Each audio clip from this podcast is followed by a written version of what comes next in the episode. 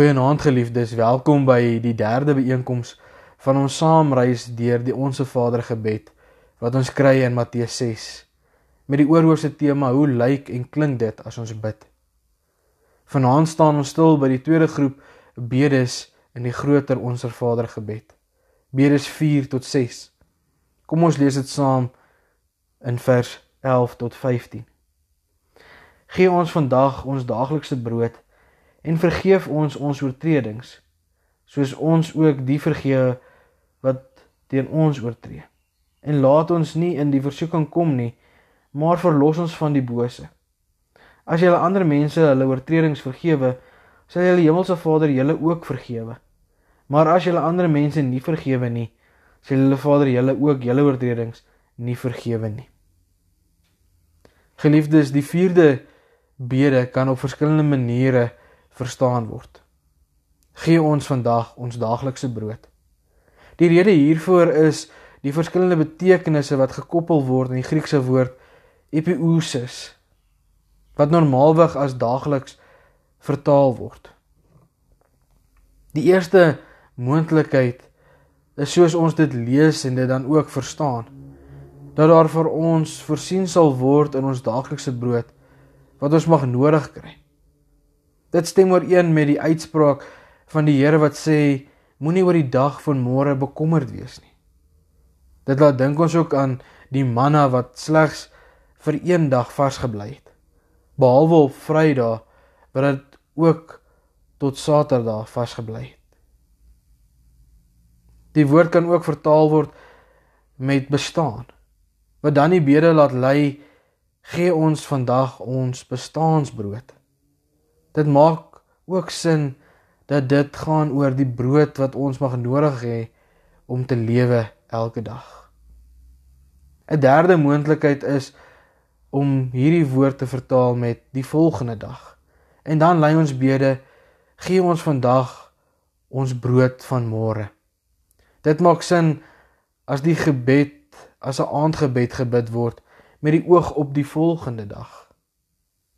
Die woord kan ook toekoms beteken.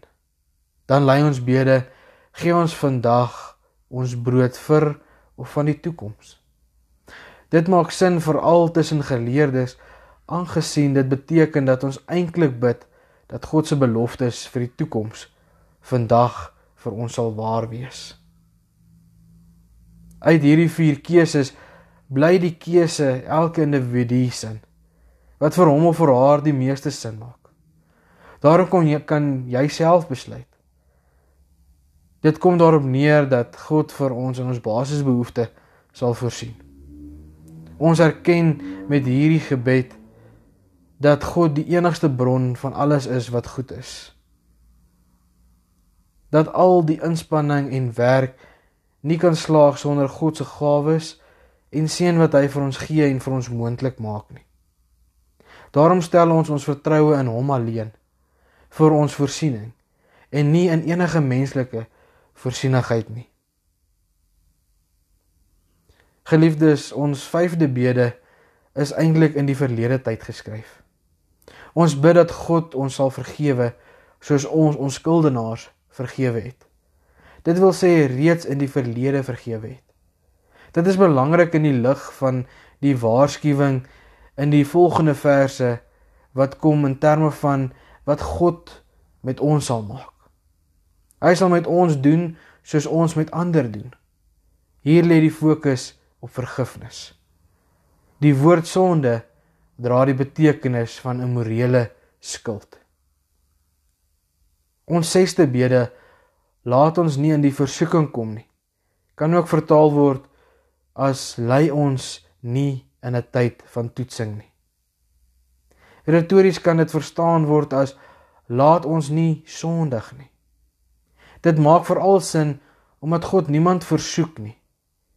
Want die gebed gaan eintlik oor die feit dat ons van God vra dat ons naby aan hom en veilig aan hom sal bly en dat hy ons dan ook so by hom sal hou sodat ons nie sal afdwaal of agter die sonde sal aangaan nie. Die gedeelte verlos ons van die bose sal beter vertaal kan word as bewaar ons van die bose. Dit is die verlange dat God finaal met die sonde sal afreken en dit ons nie meer elke dag sal kom bedreig nie. In vers 14 en 15 kom lewer Jesus 'n stukkie ekstra kommentaar op die 5de bede. Dit beklemtoon vir ons die belangrikheid van vergifnis. Dit lei as jy vergeef, sal die hemelse Vader julle ook vergeef. As jy egter nie vergewe nie, sal die Vader julle ook nie vergewe nie. Dit kom versterk die gedagte van hoofstuk 5 dat ons se lewe moet lei wat gefokus moet wees op vyande wat vriende gemaak moet word. As daar in die saligsprekinge in vers 9 staan: Geseend is die vredemakers want hulle sal kinders van God genoem word. Geliefdes, mag ook ons die Here vertrou en vra na dit wat ons elke dag mag nodig hê om aan te hou. Mag ons waak teen die bose omdat ons nie op onsself staat maak nie, maar vashou aan die krag van God wat met die bose afreken en mag ons altyd al is dit hoe moeilik streef na 'n gesindheid van vergifnis en vrede met alle mense. Amen. Ons kom vat môre aan die byeenkoms van die week van gebed saam. Maak seker u mis dit nie. Kom ons bid saam.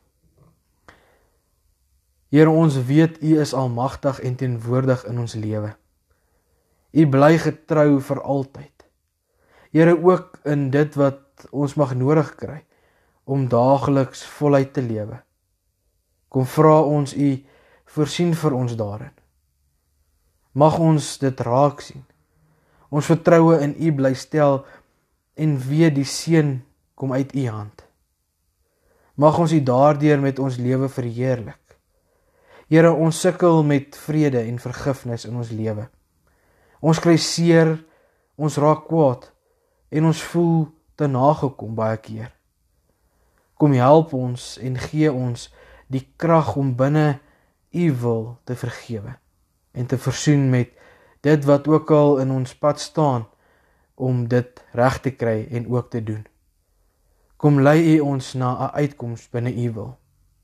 Here ons bid en pleit vir u genade en beskerming van die bose. Maak ons vry van die aanslag en die leuns waarmee hulle ons kom beetpak. Ons vra u wees by ons. Gaan ons vooruit en lei ons op die pad wat U wil hê ons moet loop. Beskerm en bewaar ons deur die nag. Amen. Geliefdes, mag U 'n geseënde aand hê saam met U geliefdes tuis. Groete.